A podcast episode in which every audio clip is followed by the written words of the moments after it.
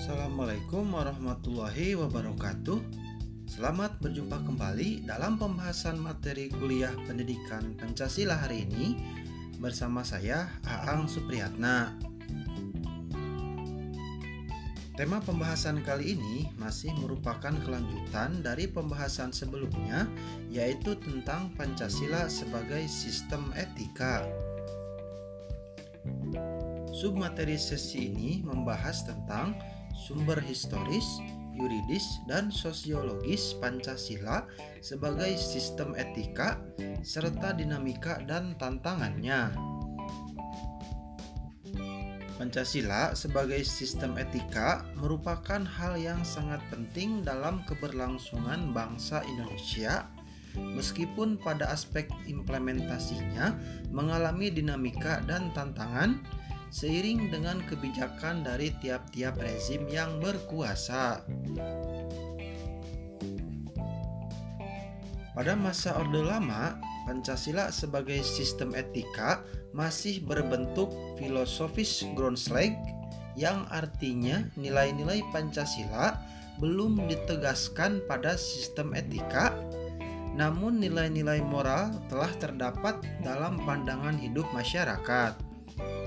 Misalnya, sikap gotong royong dan kemandirian. Pada masa Orde Baru, Pancasila sebagai sistem etika disosialisasikan melalui penataran P4 dan dilembagakan dalam wadah BP7.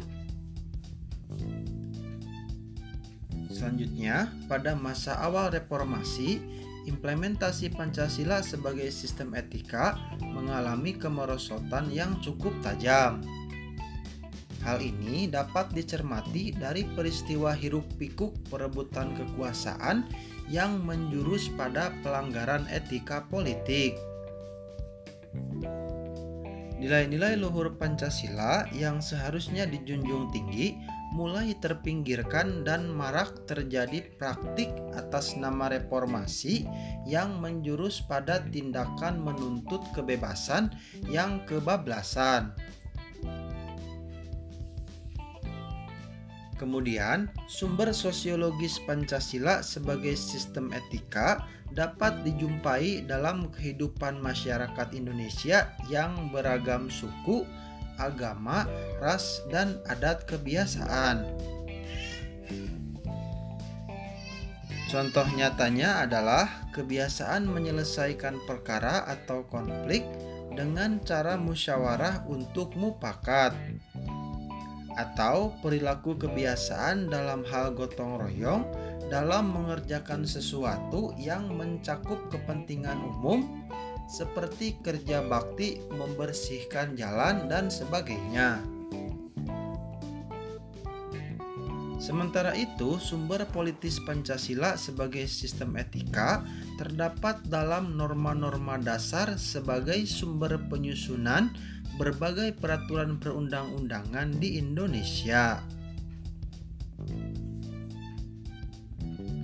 Demikian untuk sesi pembahasan materi kali ini. Terima kasih telah menyimak. Wassalamualaikum warahmatullahi wabarakatuh.